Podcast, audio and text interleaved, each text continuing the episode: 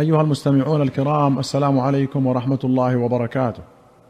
واهلا وسهلا بكم إلى حلقة جديدة في برنامجكم جامع السنة. في كتاب الآداب والتربية باب القصص أخرج البخاري ومسلم عن جندب بن عبد الله رضي الله عنه أن النبي صلى الله عليه وسلم قال كان في من كان قبلكم رجل به جرح فجزع فأخذ سكينا فحز بها يده. فما رق الدم حتى مات. قال الله تعالى بادرني عبدي بنفسه حرمت عليه الجنة. هذه رواية البخاري. ولمسلم قال إن رجلا ممن كان قبلكم خرجت به قرحة فلما آذته انتزع سهما من كنانته فنكاها فلم يرق الدم حتى مات. قال ربكم قد حرمت عليه الجنة. نكأها أي قشرها وفجرها. ورقى الدم انقطع ولم يرقى أي لم ينقطع. وأخرج مسلم عن أبي سعيد رضي الله عنه عن النبي صلى الله عليه وسلم قال كانت امرأة من بني إسرائيل قصيرة تمشي مع امرأتين طويلتين فاتخذت رجلين من خشب وخاتما من ذهب مغلق مطبق ثم حشته مسكا وهو أطيب الطيب. فمرت بين المرأتين فلم يعرفوها فقالت بيدها هكذا ونفض شعبة يده. قال النووي وأما اتخاذ المرأة رجلين من خشب فحكمه في شرعنا أنها إن قصدت به مقصودا صحيحا شرعيا كأن تستر نفسها لئلا تعرف فتؤذى أو نحو ذلك فلا بأس به.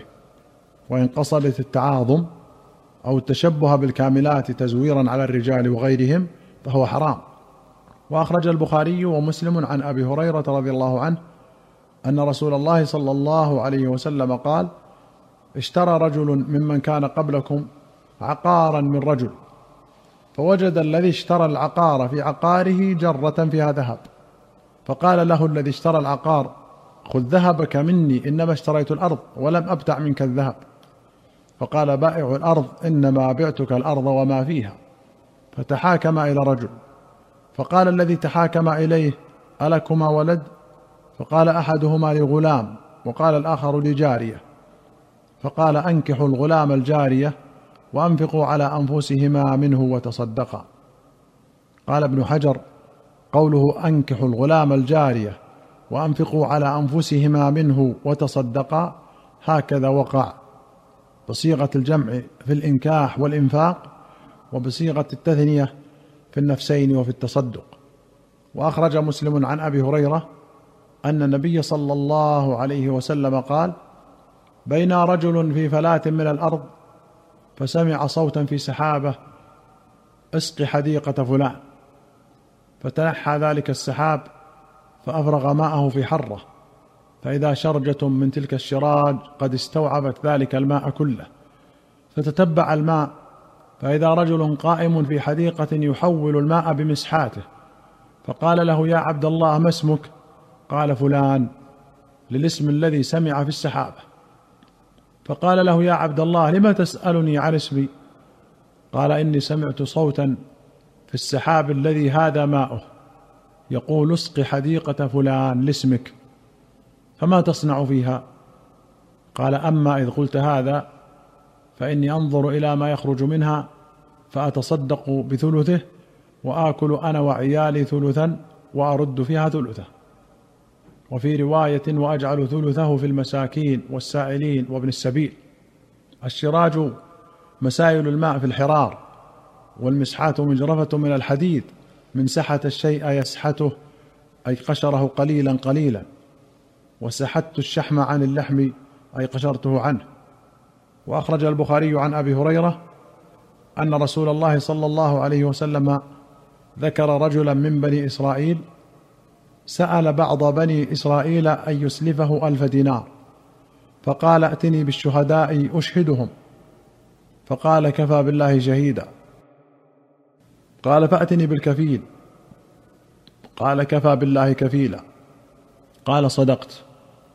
فدفعها إليه إلى أجل مسمى فخرج في البحر فقضى حاجته ثم التمس مركبا يركبه يقدم عليه للأجل الذي أجله فلم يجد مركبا فأخذ خشبة فنقرها فأدخل فيها ألف دينار وصحيفة منه إلى صاحبه ثم زجج موضعها ثم أتى بها البحر فقال اللهم إنك تعلم أني تسلفت فلانا ألف دينار فسألني كفيلا فقلت كفى بالله كفيلا فرضي بك. وسألني شهيدا فقلت كفى بالله شهيدا فرضي بك. وإني جهدت أن أجد مركبا أبعث إليه الذي له فلم أقدر وإني استودعتكها. فرمى بها في البحر حتى ولجت فيه ثم انصرف. وهو في ذلك يلتمس مركبا يخرج إلى بلده. فخرج الرجل الذي كان أسلفه ينظر لعل مركبا قد جاء بماله. فإذا بالخشبة التي فيها المال فأخذها لأهله حطبا. فلما نشرها وجد المال والصحيفة. ثم قدم الذي كان أسلفه وأتى بألف دينار. فقال والله ما زلت جاهدا في طلب مركب لآتيك بمالك فما وجدت مركبا قبل الذي جئت فيه. فقال هل كنت بعثت إلي بشيء؟ قال أخبرك أني لم أجد مركبا قبل الذي جئت فيه. قال فإن الله قد أدى عنك الذي بعثته في الخشبة. فانصرف بالألف الدينار راشدا. أخرجه البخاري معلقا في أكثر من موضع. ووصله مختصرا في باب التجارة في البحر وفي الأدب المفرد. وقوله زجج موضعها أي سوى موضع النقر وأصلحه. قال ابن حجر وفيه فضل التوكل على الله. وأن من صح توكله تكفل الله بنصره وعونه. وأخرج البخاري ومسلم رحمهما الله عن ابن عمر رضي الله عنهما قال سمعت رسول الله صلى الله عليه وسلم يقول انطلق ثلاثة نفر ممن كان قبلكم حتى آواهم المبيت إلى غار فدخلوه فانحدرت صخرة من الجبل فسدت عليهم الغار فقالوا إنه لا ينجيكم من هذه الصخرة إلا أن تدعوا الله بصالح أعمالكم. فقال رجل منهم اللهم كان لي أبوان شيخان كبيران وكنت لا أغبق قبلهما أهلا ولا مالا فنأى بي في طلب شيء يوما فلم أرح عليهما حتى ناما. فحلبت لهما غبوقهما فوجدتهما نائمين. فكرهت أن أغبق قبلهما أهلا أو مالا فلبثت والقدح على يدي أنتظر استيقاظهما حتى برق الفجر. والصبية يتضاغون عند قدمي فاستيقظا فشربا غبوقهما. اللهم إن كنت فعلت ذلك ابتغاء وجهك ففرج عنا ما نحن فيه من هذه الصخرة. فانفرجت شيئا لا يستطيعون الخروج. قال الآخر اللهم كانت لي بنت عم كانت أحب الناس إلي. فأردتها عن نفسها وامتنعت مني حتى ألمت بها سنة من السنين فجاءتني فأعطيتها عشرين ومائة دينار على أن تخلي بيني وبين نفسها ففعلت حتى إذا قدرت عليها قالت لا أحل لك أن تفض الخاتم إلا بحقه. فتحرجت من الوقوع عليها فانصرفت عنها وهي أحب الناس إلي وتركت الذهب الذي أعطيتها.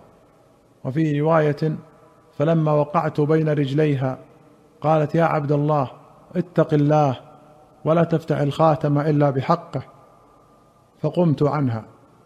اللهم إن كنت فعلت ذلك ابتغاء وجهك فافرج عنا ما نحن فيه. فانفرجت الصخرة غير أنهم لا يستطيعون الخروج منها.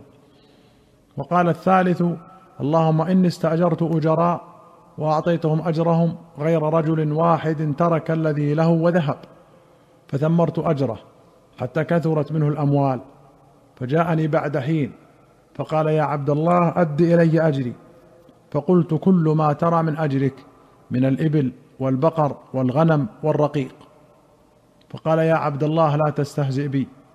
فقلت إني لا أستهزئ بك.